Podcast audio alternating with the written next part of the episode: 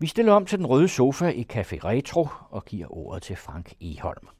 Jeg hedder Frank Eholm, og jeg er formand for de faglitterære forfattere i øh, Dansk Forfatterforening. De sidste tre bøger, jeg har skrevet om faglitteratur, det handler om krimien. Og øh, Lotte Petri, hun har flere kapitler i den sidste, der hedder Forklædt som krimi.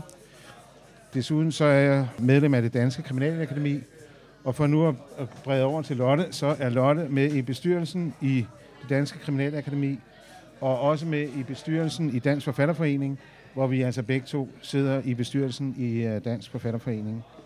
Øhm, Lotte har skrevet fire bøger i krimiserien om forsker og læge, øh, Selma Eliassen, og den sidste, som vi skal snakke om i aften, den hedder Vitsnit. Snit.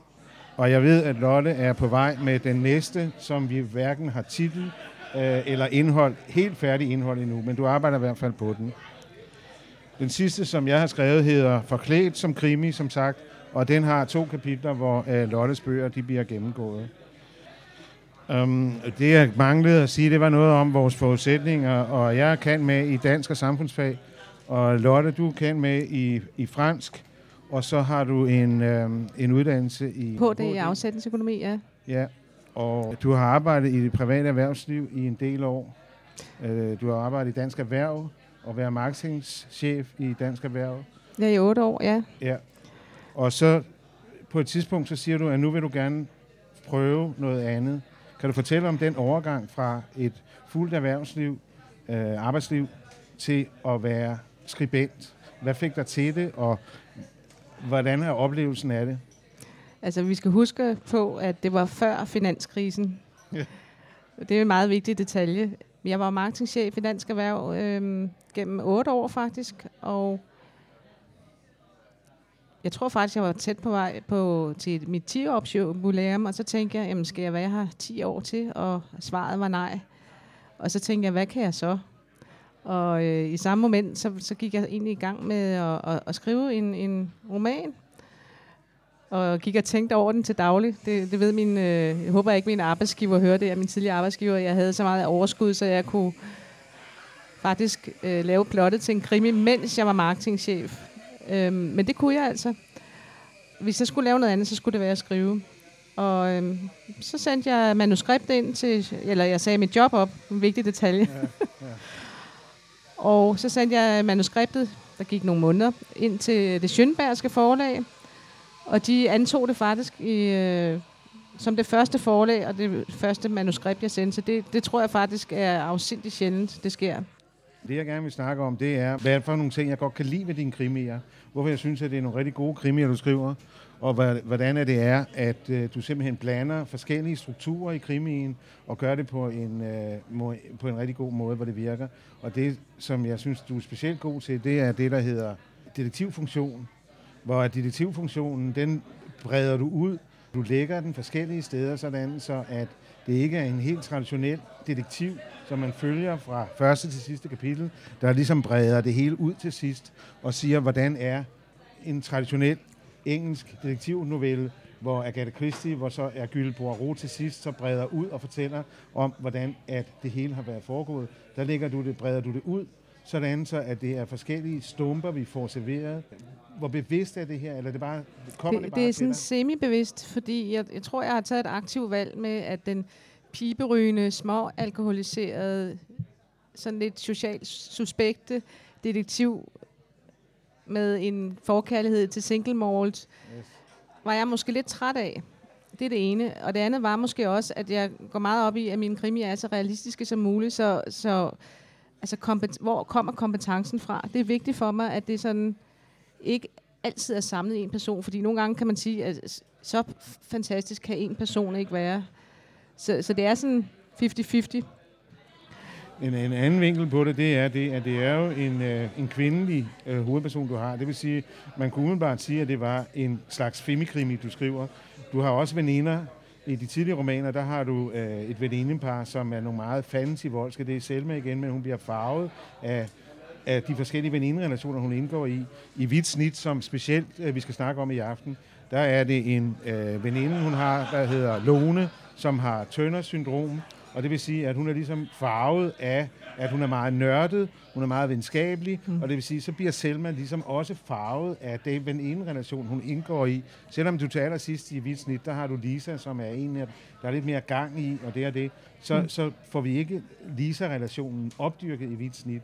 Øh, så det vil sige, at, at, at du har en veninde-relation, du har en, for så vidt en femikreditiv, og alligevel så er der langt til en femi-krimi i, i uh, dine bøger. Hvor bevidst er det, eller hvordan, hvordan forholder du dig til Jamen, det? Jeg, jeg forholder mig ikke til genre, når jeg skriver. Der er ingen bånd, der binder mig. og jeg tror, hvis man er så meget genrebevidst, så, så, så tror jeg måske, man, man gør det svært for sig selv. Jeg prøver sådan at skrive det, så det også interesserer mig, og så må... Øhm, så må det med genre, det, kan man, det må man tage til sidst, hvis det er så vigtigt. Altså, jeg, øhm, jeg synes, det er mere vigtigt for mig, det er spændende, og man så går lidt ud af tangenten. Det kan jo nogle gange være der, hvor, hvor det spændende sker. Øh, jeg holder mig måske ikke helt til analysemodellerne, men det er jo også, det er sådan lidt rebelsk jo en gang mellem det, jeg skriver. Øhm, og jeg håber også, det er det, der sådan gør mig lidt anderledes end, end de gængse krimier. Jeg synes, det er sjovt at, at sprænge formatet, og synes, det er sjovt at, at blande og at se, altså, hvilket nyt stof, der kommer ud, hvis man blander nogle forskellige ting sammen. Yes, yes. Det, det er noget, der tænder mig. Altså, hvis jeg ved, hvad der skal ske, og hvis det hele er alt for skematiseret, så, så, så, så synes jeg selv, det er trist, og det, eller kedeligt. Og det tror jeg ikke, der er nogen, der gider læse.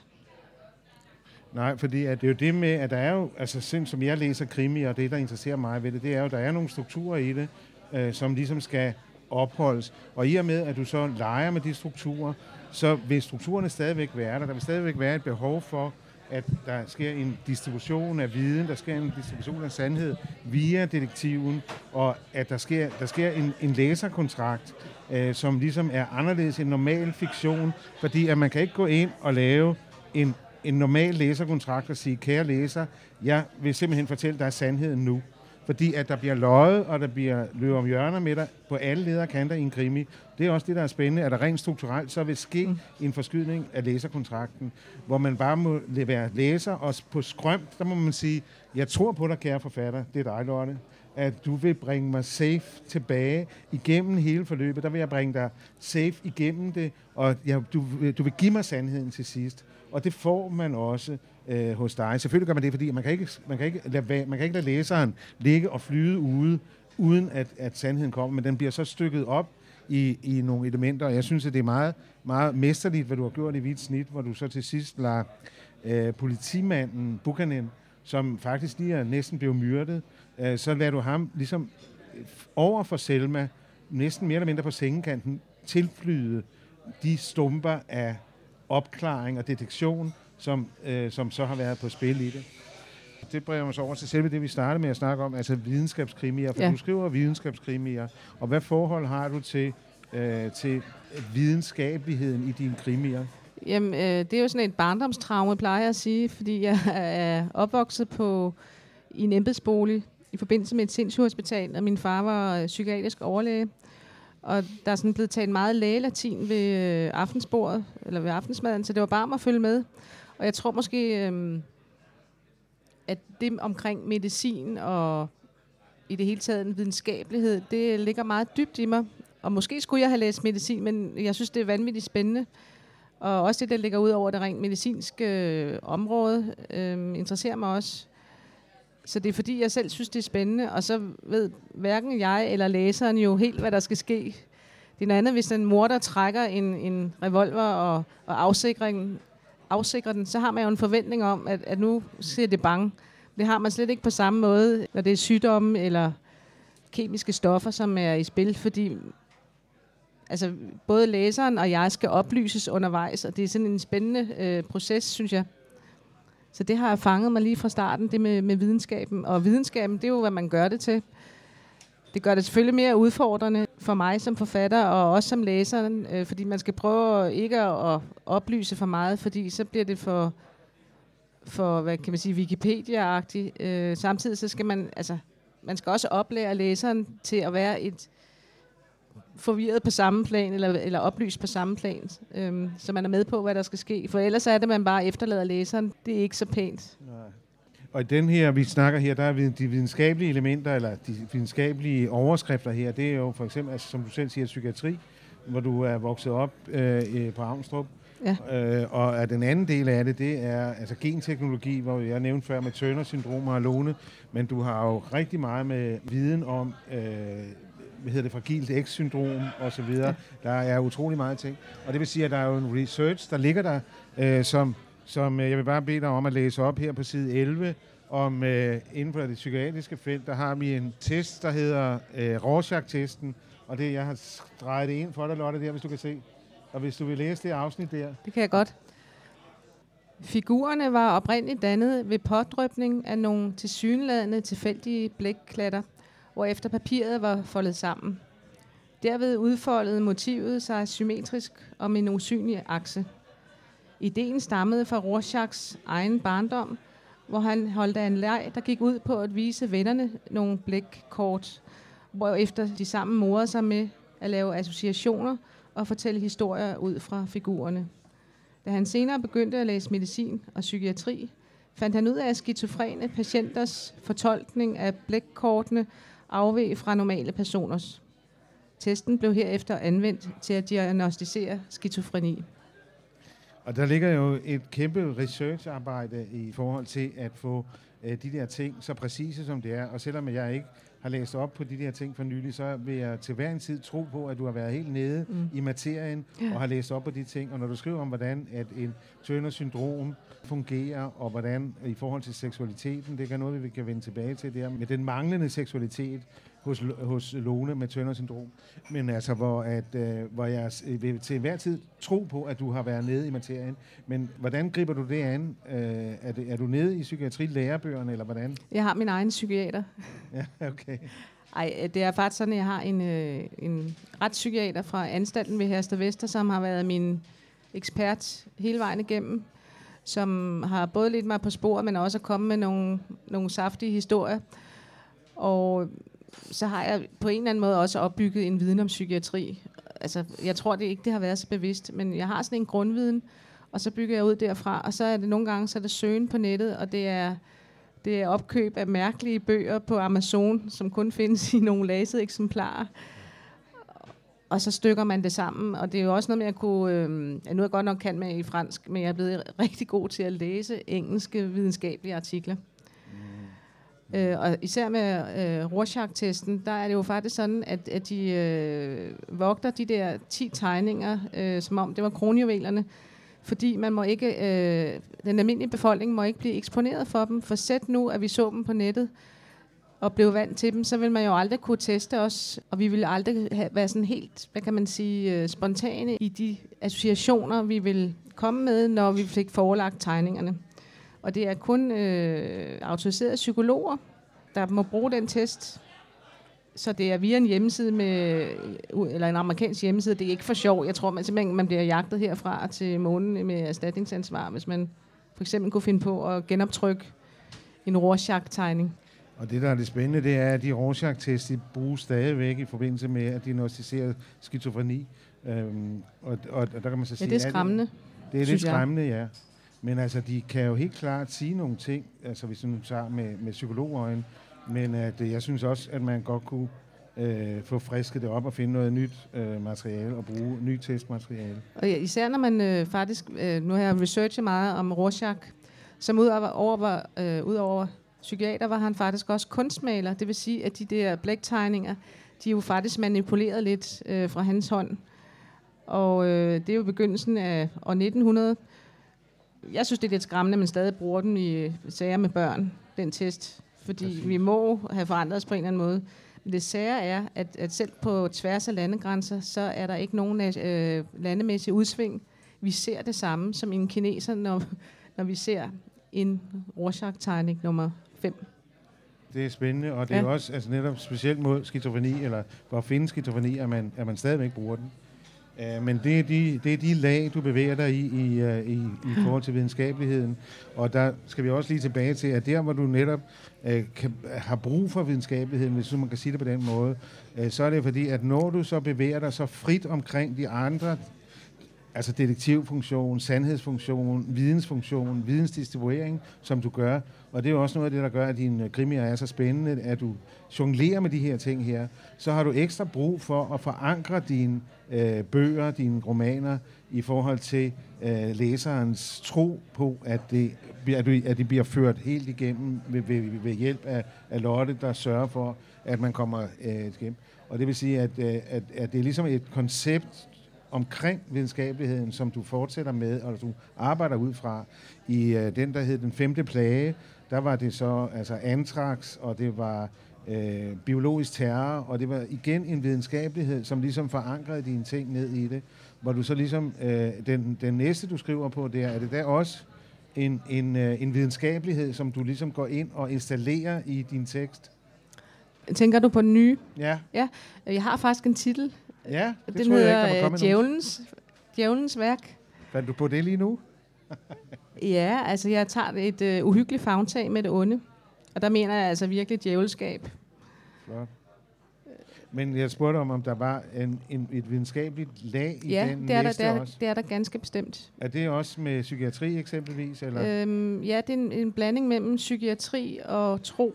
Fordi der findes et ingemandsland mellem katolicismen, eller øh, kristendommen, og psykiatrien, hvor behovet for en sjælesørger øh, er nødvendigt. Øh, for psykiatrien behandler, og det, øh, troen er en sjælesørger, og særlige former for sindssyge kan forveksles med besættelse, og man kan blive i tvivl om, der måske er noget ondt eller en djævel involveret. Selv jeg er blevet i tvivl. Det bliver rigtig spændende. Ja. Men øh, vi snakkede også om, at vi skulle skrive over til dem, der styrer over på øh, krimimæssen over i Horsens, at vi gerne vil optræde omkring med øh, tro og videnskab øh, og krimi næste gang. Vi sender et signal nu. Jeg håber, Ja. ja. de lytter med. Vi håber, de lytter med i radio. Um, som sagt, det her det bliver optaget i den anden radio, hvor at det bliver udsendt, uh, og det er på nettet, og man kan høre det igen og igen i den anden radio. Men det, jeg også kunne tænke mig at, at snakke med dig om, det er netop det med, med kvinden og seksualiteten i forhold til, at der er jo ligesom en mangel på seksualitet, eller der er en anden øh, generation af femikrimi over mange af dine tekster. Øh, forstået på den måde, at den anden generation af femikrimier, det var dem, der var rødstrømper, altså i 70'erne, hvor at der var et modspil til den mandlige, hårdkogte amerikanske detektivnovelle øh, med Raymond Chandler og Dashiell Hammett, og det var, det var den, som du selv sagde, single malt. Det var mere, jeg tror mere, det var blended. Han sad og drak over i Chicago. Ja, men så Eller bourbon eventuelt. Men altså, hvor vi i hvert fald havde en loner, en, en ensom ulv, hvor vi havde en, øh, en, der var uden for familierelationerne. en cowboy. En cowboy, kan man kalde ham. ja, en helt på mange måder. Men hvor vi så i den anden øh, generation af femikrimier, der følger efter det, får kvinder, der skal ligne det. De er hårdt slående, de er ensomme, de har ikke noget hygge i deres hjem. Det er sådan huler, de bor i. Øh, og der har vi så, altså på sæt og vis, øh, der har vi ikke den nye Lisa Marklund femikrimi, hvor de både kan få babygylp ned ad ryggen, mens de står og finder på øh, geniale tanker. Det kan ligesom også har- blive for socialrealistisk, synes jeg. Ja, det er rigtigt. Men altså, hvor, hvor, hvor du er øh, med, med den manglende seksualitet, altså det manglende øh, parforhold, det er jo nogle kvinder, der er meget dårlige til at have familie og børn. Øh, Lone, hun øh, har ikke ret meget seksualitet, og hun mister i det hvide snit, så mister hun så også manden, der tager til Jylland, og det er det. Men altså, hvor det ligesom er, at, at du holder dig holder du dig blægylpet, nej, hvad hedder det, ikke blægylpet, men babygylpet, og, og, og blæerne, du holder dig dem fra livet, altså den Lisa Marklund og Camilla Lækberg, femikrimiagtige ting, det holder du dig bevidst fra livet, eller er det, øh, er det bare det, at det vil du ikke have med at gøre? Hvor ligger du hen i forhold til de ting?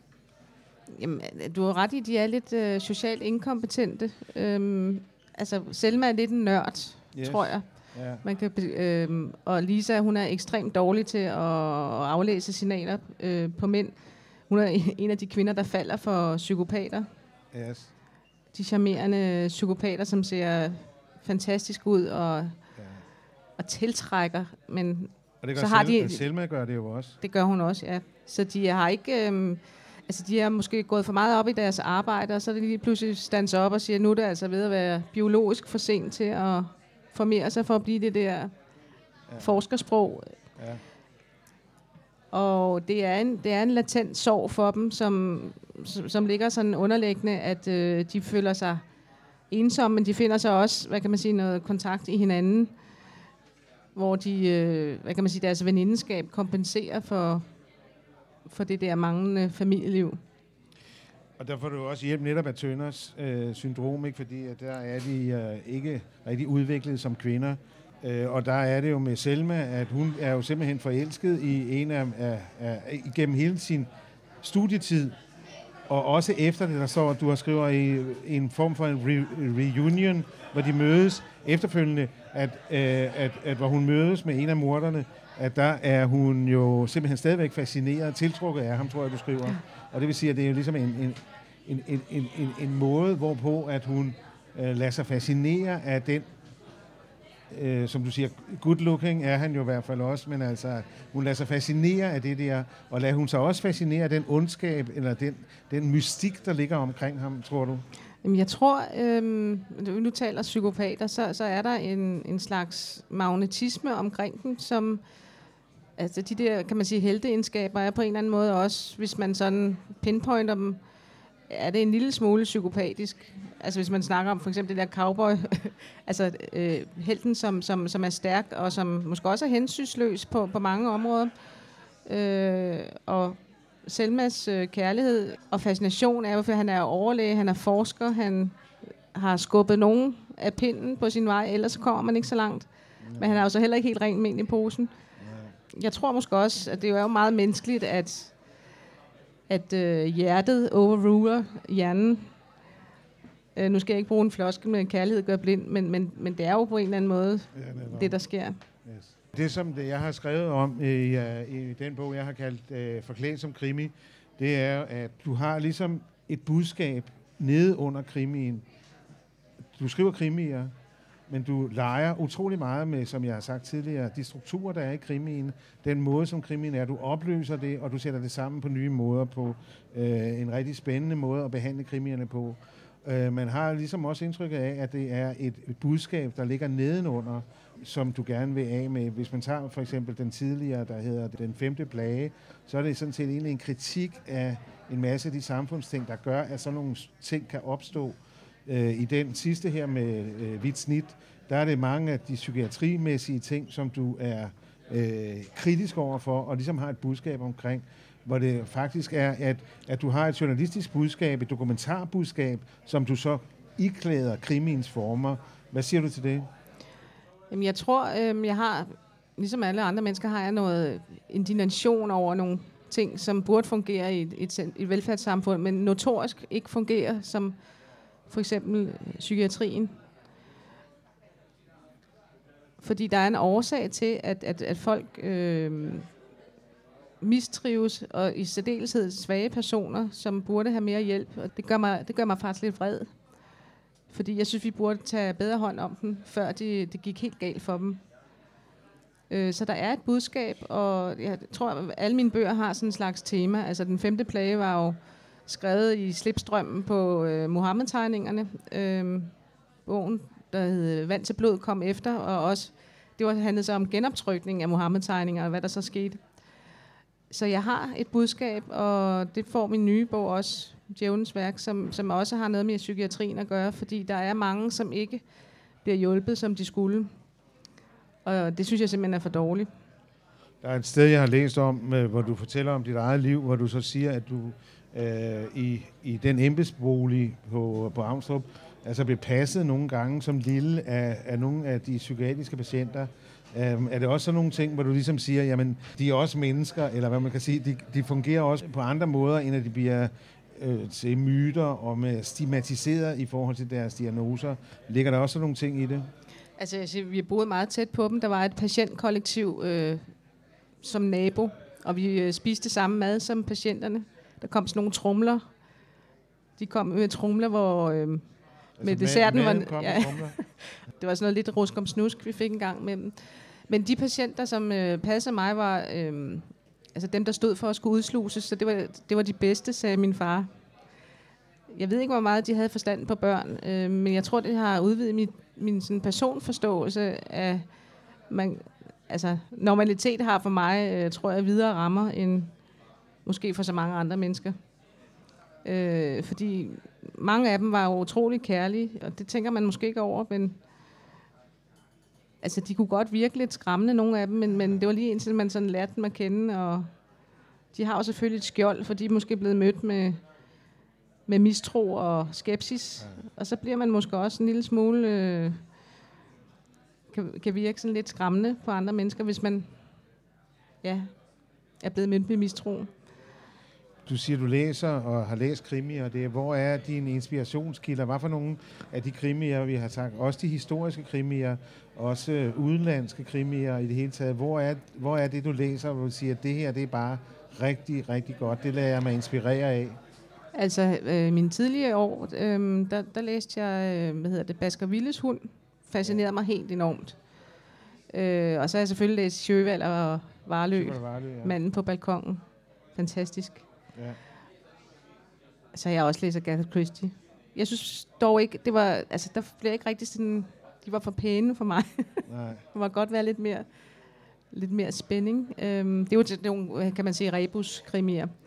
Hvis jeg skulle nævne nogle øh, nye, så kan jeg jo godt lide øh, de franske krimier faktisk. Ja. Og jeg kan også rigtig godt lide sådan en som øh, Steffen Jacobsen, som jeg synes er helt ja. eminent. Men de franske, det er for eksempel altså... Det kunne være Granger. Granger, ja. Og det kunne også være Le Maître. Ja. Jeg er helt vild med, med den nordiske krimi. For jeg sluger dem. Ja, det kunne være Håkon Nesser, og det kunne ja, være... Håkon Nesser, ja. ja. Den er genial. øh, men altså, de egentlig, uh, ikke egentlig, men altså de femikrimi forfattere, som øh, Lisa Marklund og så videre, er det der direkte imod, eller kan du godt læse Lisa Marklund? Jamen, jeg har læst øh, Lisa Marklund, og øh, jeg synes, altså, hun er eminent til at snigerere et plot. Altså, jeg synes også, de er spændende.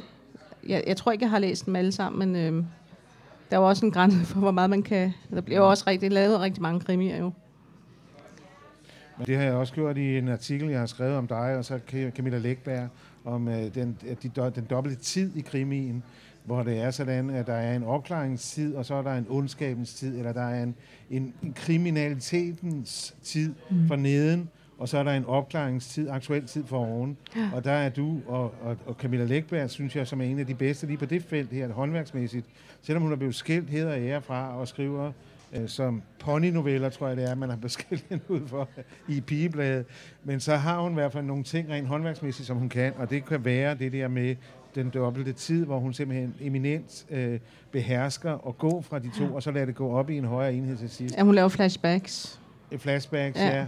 Og også, at hun leder det sammen til en opklaring, hvor både den aktuelle tid og ondskabens tid, at det bliver ført sammen til sidst. Og det gør du også i, uh, i nogle af det, hvor, hvor du behersker det på samme måde med, med, uh, med de to tidslinjer, der ligger i krimien, som jo også er noget strukturelt, for der vil altid være en, en, en, en kriminalitetens tid, morets tid, ondskabens tid, nedunder, uh, øh, historisk for eksempel, eller tilbage i tiden, du har her med 80'erne i vidt snit, hvor at, uh, der er sket noget mor på Sankt Hans, som starter det op, hvor du så har en dobbelt tidslinje hele tiden. Du switcher mellem de to tidslinjer på en god måde. Og, øh, at, og så til sidst, så får du det til at gå op i en højere enhed. Og det er en dobbelthed i det, som du behersker på en god måde. Det, som jeg også øh, vil høre dig om, det er om, hvad forholdet det er til øh, den videnskabelighed, eller den videnskabskrimi, kan vi kalde den, som øh, startede med Peter Høgh med, i Danmark. Der har jo været videnskabskrimier i i øh, evighed. Og vi kan også godt sige det på den måde, at, at krimien er jo øh, en, en fortaler for den nye positivisme, der Edgar Allan Poe starter med sine øh, detektivnoveller øh, i 1800-tallet med hans detektiv. Er, øh, der er det jo simpelthen for at promovere den nye naturvidenskabelige positivisme. Det vil sige, at krimien er fra første dag videnskabelig, interesserer sig for videnskabeligheden, interesserer sig for det med, at man kan se ud over det hele. Og det vil sige, at der, der er indbygget en videnskabelighed i krimien helt fra første dag. Men så får vi ligesom en revival, kan vi kalde det, starte med Peter Hø, men hvor Peter Hø i Frøken Smilles fornemmelse for sne, som jo er en gudsbenået krimi, men hvor han ligesom sætter videnskabskrimien på dagsordenen igen herhjemme i Danmark. Og der må man så sige, at der er du ligesom et barn af Peter Hø set på den måde. Men altså, hvor han dengang allerede har, ligesom har to tekster, altså hvor han skiller teksterne af, den videnskabelige tekst på den ene måde, sådan en, ligesom en encyklopædi, og så samtidig så har han så øh, den krimiteksten på den anden der. Uh, vi har så Sissel Jogasan, som sidenhen har fulgt op på det, og der er også flere. Og der ligger du inde i det felt af dem, der nu i Danmark i dag skriver videnskabskrimier. Hvor er du henne i forhold til, til den tradition, eller uh, det, det gang af, af skrivere i Danmark i dag? Jamen, altså man kan sige, at jeg har måske fundet min niche i og med, at jeg beskæftiger mig med det, som, som man kan sige, Serum Instituttet har som felt. Altså at forhindre, at der kommer epidemiske sygdomme til, til Danmark, øhm, og være på forkant med udviklingen, som jeg mixer med noget terror og forankret i hele det der Mohammed-tegning-kompleks, og hele det der, hvad kan man sige, opsplitning, hvor man kan sige, vi har jo en, en, en slags troskrise i Danmark øh, på en eller anden måde. Der mener jeg, jeg har min niche, men jeg kan jo godt bevæge mig ind på, på de andre områder. Det, det sjove ved det er, at det tager mig jo den vej, hvor videnskaben fører mig hen. Så jeg ved heller ikke altid, hvor, hvor jeg ender hen, når jeg går i gang med et emne. Og det er det, jeg synes, der er så enormt fascinerende, at man ikke er lagt helt fastlagt på noget fra starten. Og det er man på mange måder med konventionelle våben, for de har også deres begrænsning af, altså en pistol kan række så og så vidt, men en epidemi har vi jo set med Afrika og Ebola, det kan jo blive hvad som helst. Man, man ved ikke, hvad det er, og, og den frygt, der kan man sige, der, der møder man læseren på samme plan og tager hinanden i hånden, for så bliver det uhyggeligt. Så øh, jeg ved ikke, om man kan kalde det en tradition, men, men nu er det dig, der siger, at det er en videnskabskrimi. Det er jo lige så bredt som, som videnskaben. Øhm, Peter Høgh var meget, er jo meget fascineret også af, af matematikken, og øh, Sissel Yogasan, det er jo meget, hvad kan man sige, biologi. Biologien, øh, ja. ja. Så man kan sige, man har jo sine fakulteter jo, indenfor. Ja. Var det så mere, man kunne kalde min måske en medicin, eller en medicinsk krimi, også fordi jeg går meget op i retsmedicin, som jeg synes er utrolig fascinerende, og det er altså virkelig nørdet, vil jeg sige. Min sidste bog, jeg har læst, det er retsmedicinsk håndbog af Jørgen Lange Thomsen, okay.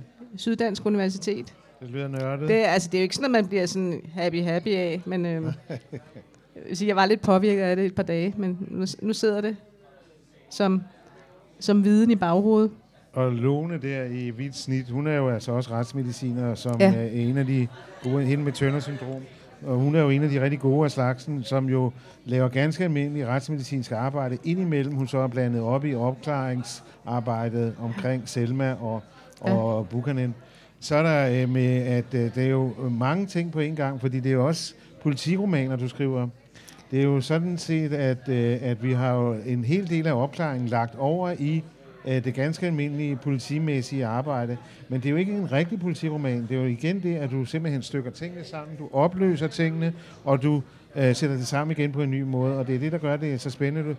Fordi at hvis vi tager den, den tendens, trend, der er inden for politiromanen i øjeblikket med norske Jo Nesbø, med vores egen Jussi Adler Olsen, hvor man simpelthen bare har en outsider, en lonely wolf faktisk, en egentlig en gammel, en gammel afart af Raymond Chandlers uh, Philip Marlowe, puttet ind i et politikkorps. Mm. Det er jo så det, der er så spændende med både Jussi og med Jo Nesbø i øjeblikket, at de er så uh, hyper, hyper sælgende og uh, uh, populære, fordi at de tager en sådan lonely uh, wolf, og putter ind i, øh, i det schema, som politiromanen er, og låner kræfter fra politiromanen, men bruger den så slet ikke til noget.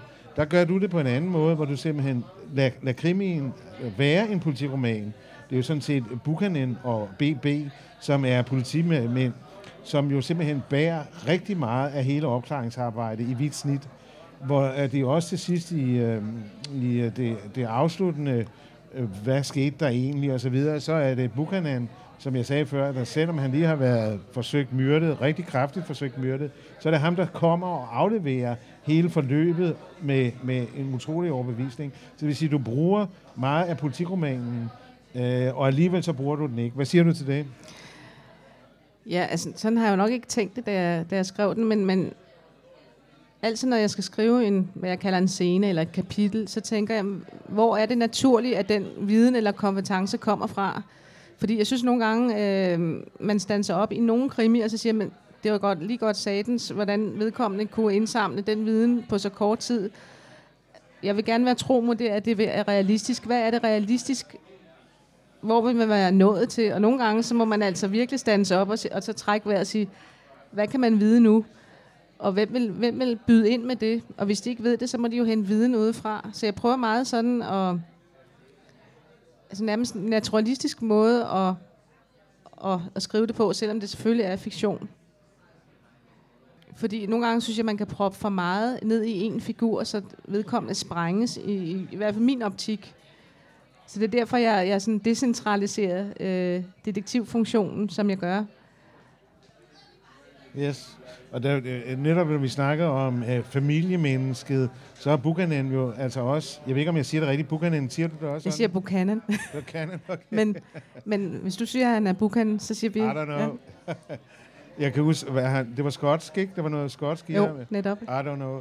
Han har jo så mistet sin kone, øh, og det vil sige, at han har en au pair, øh, som virkelig må opfylde alle de funktioner, som øh, kvinden Undtagen sex. Ja, det er, for, det, det du har i. Men altså, han har i hvert fald en au pair, som er meget mere en, en almindelig au pair, øh, med, i forhold til den, den dreng, han har. Som, øh, når han er afsted til Jylland, så må han lige ringe, og så må hun tage med til børnefødselsdag og må købe Ja, det er ikke, ikke helt godt nok, men han martrer sig også af dårlig samvittighed. Ja. Og det ja, tror jeg, alle forældre har altid dårlig samvittighed, men han, han har virkelig grund til at have dårlig samvittighed.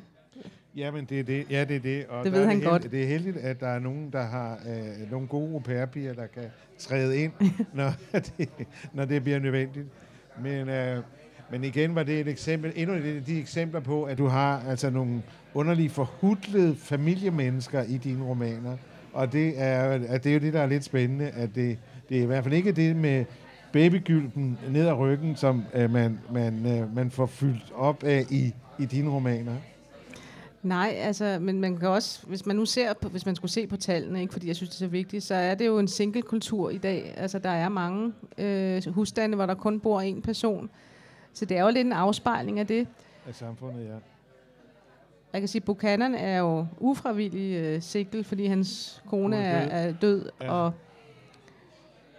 og Selma kan ikke helt altså, finde ud af at fastholde en relation, men for mig at se, hvis det var for familiært og for konformt, så ville det måske også tynge lidt ned i spændingen. Fordi ja, har, vi har jo netop, når vi snakker politikromaner, så har vi jo en tradition, Paul Ørum-traditionen, lad os kalde den den, for en, øh, et politikkorps, der øh, folder hele deres væren ud i forhold til familien, når de tager afsted og en by i provinsen, og vi har hele den der politiroman, tradition i Danmark, hvor de så er piberygende, og de, når de så har været ude og opklare, så kommer de hjem til lillemor, og hun er så maden klar, og så sidder de så i hyggen igen, og hun har cardigan og slippers klar, øh, når han kommer hjem. Og det er jo så en politiroman-tradition øh, i Danmark, som jo er spændende, men øh, den ligger bare et andet sted, og den ligger i hvert fald ikke i den, den nye tid, hvor vi stadigvæk har brug for politiromanen, bruger den meget kraftigt, du gør, men altså, hvor det så bliver til noget andet. Og vi snakkede før om Granger, som jo altså også er en, øh, en, en, en at skrive politiromaner, men igen har vi jo nogle politifolk i Grangers romaner, som er langt fra at være ganske almindelige politifolk. Du nævnte selv Chevalier Varlø før, og ja. Chevalier Varlø er jo også politiromaner mm. i høj grad oven i købet, hvor vi har et team af folk der, øh, hvor at du siger, at du har læst, øh, og med, med, med stor glæde har læst øh, Chevalier Varlø, og at, øh, hvor det igen er politiromaner, hvor vi har hele, hele flokken der, og de er jo regelrette. Der er jo ikke noget i Chevalier Varlø, der opfører man sig som en politimand hele vejen igennem. Der er ikke nogen, der skal have noget ud mellem sidebenene og være noget andet. Men øh, der, hvor at, øh, jeg lige vil nævne Chibala Varlø, det er fordi, at der har vi jo en samfundskritik. Nu var jeg vendt tilbage til det med det journalistiske og dit budskab i det. Chibala Varlø har jo i høj grad en samfundskritik. Det jo, kan jo skrives meget simpelt i den periode der. Det er kapitalismen, der er det onde, og det er så øh, den, der skal bekæmpes. Men altså, hvor vi har en meget regelret formidling af den kritik, og vi har en meget Øh, øh, regelret blotstruktur, hvor det simpelthen er, at der er spændingskurver, og så kommer der på bagsiden af spændingen, når det er stille og roligt, og vi trækker vejret alle sammen, så kommer samfundskritikken ind der. Du gør det på en anden måde, fordi du har opløst det hele. Det vil sige, at din dokumentariske, journalistiske budskab med, hvad det er, det blander du ind i på en helt anden måde, end når man siger, ligesom at Chevalier hvor man kan forestille sig sådan en kurve. Spændingen er bak, så kommer der en cliffhanger, bum, så går det nedad, og vi sidder alle sammen og skal have nyt luft ind, læser såvel som forfatter. Så kommer der samfundskritik ind. Hvad har du at sige til det? Jamen, jeg tror, at samfundskritikken, den former de personer, som, som jeg har i, øh, i romanerne. Øhm, de er jo, hvad kan man sige, øh, jeg vil ikke kalde dem almindelige mennesker, men, men de har... Øh, de har også en social indignation over, at, at tingene ikke øh, fungerer optimalt. Om hvordan jeg sådan leverer samfundskritikken, altså jeg prøver sådan at, at flette den lidt ind, så man ikke forventer det for meget. Og det er ikke samfundskritik for kritikkens skyld, men det er noget, som, som jeg synes, at, at personerne er indsyltet i, og det har været med til at, at danne dem. Nu handler det jo også meget om sikringen, sikringsanstalten, hvor de 35 farligste sindssyge kriminelle sidder indsat. Og det gør de af meget forskellige årsager, og de er meget, meget syge. Øh, men på en eller anden måde, så er det jo, øh, så er det jo også et billede af, af vores samfund, hvor vi stuer de farligste væk. Øh, det er så farligt, så, så man nærmest ikke må komme... Man må i hvert fald ikke komme ind og tale med patienterne. Det synes jeg også er fint nok. Men de er ikke ret glade for, for henvendelser fra forfatter, og det kan der også være en meget god grund til, men det er utrolig svært, og når vi nu taler research, og, at få adgang. Øhm, ja, nu er jeg ikke så nem at, at affærdige, så jeg kom jo selvfølgelig fik et møde alligevel, men, men øhm, det er jo bagsiden af vores velfærdssamfund. Det er jo de ensomme, de syge, de svage øh, og de udstøtte. Præcis. Det er jo en moderne form for dårkiste, selvom de slet ikke på samme måde som, som i datidens psykiatri. Man er blevet meget bedre til at behandle, og der er kommet virksom medicin, og man forsøger at, at vende et billede. Men jeg synes stadigvæk, det, det, øh, altså man er stadig stemplet, hvis man er psykisk syg. I hvert fald. Uh, men, uh, og det er, jo, det er jo et budskab, som du får ud på en, uh, på en måde, hvor at du behandler det på en anden måde, og en ny og en befriende ny måde, med din uh, samfundskritik, fordi at du gør de ting, som du gør. Hvis vi gentager det med, med din uh, point of view, din, øh, hvem har synsvinkelen osv., du skifter øh, ret øh, frægt, for at sige det på den måde, du skifter ret frit i forhold til, at øh, synsvinkelen du arbejder ikke med jeg-fortællere på noget måde. Det er simpelthen bare, at du ser folk udefra, og du så tildeler dem øh, indsigt i forskellige ting.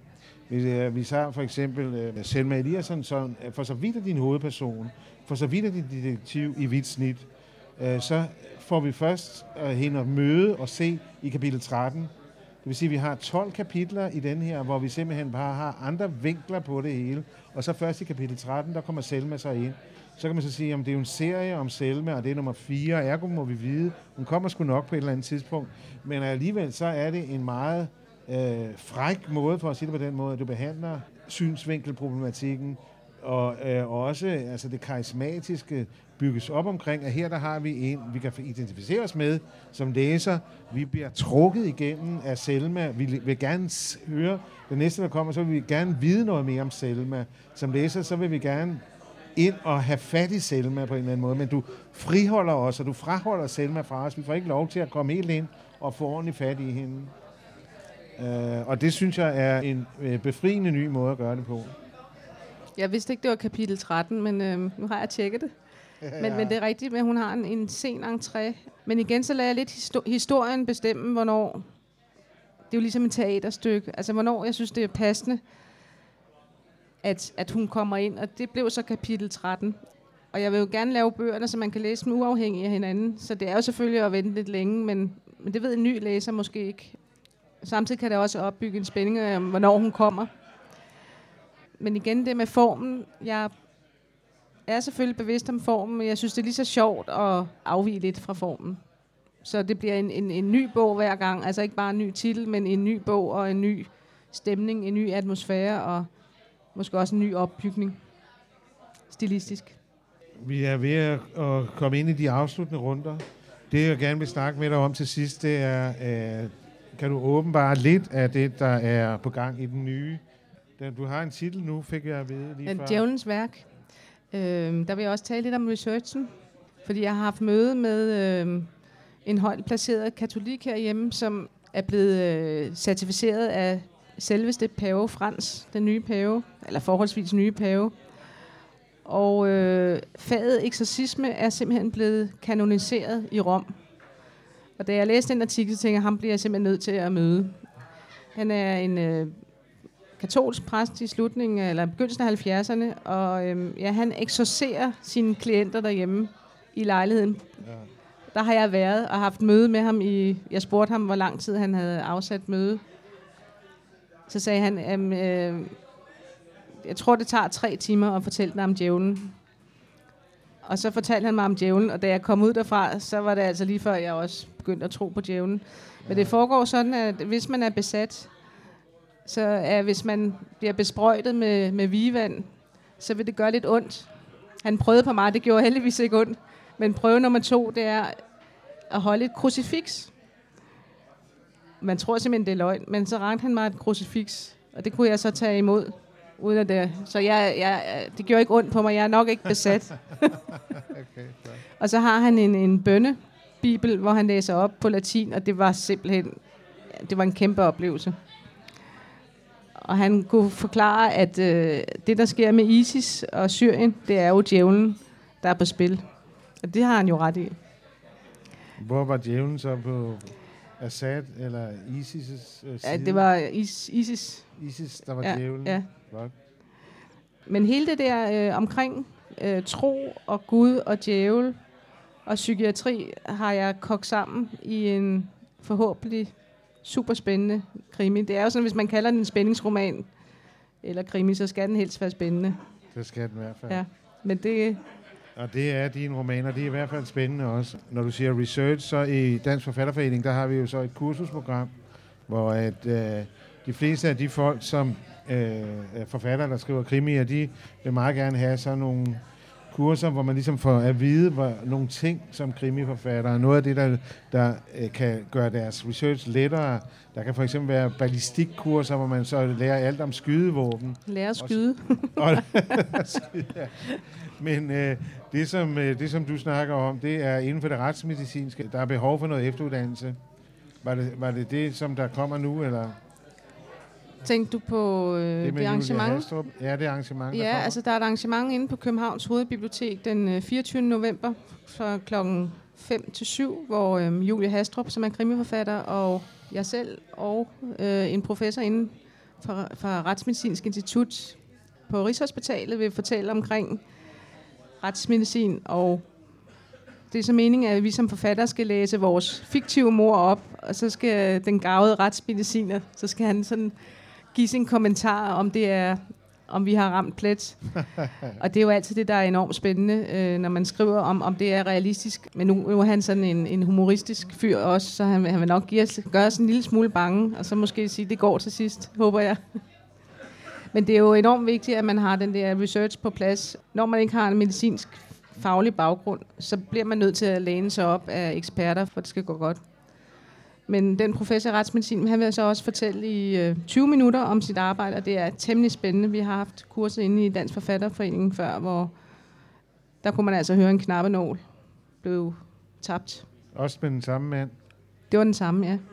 Han er god til at formidle, det er han. Men det er det, er det der, øh, der... Det er jo arrangeret i samarbejde med det Danske Kriminalakademi. Okay, det sagde du, ja. ja. Danske Kriminalakademi. Ja.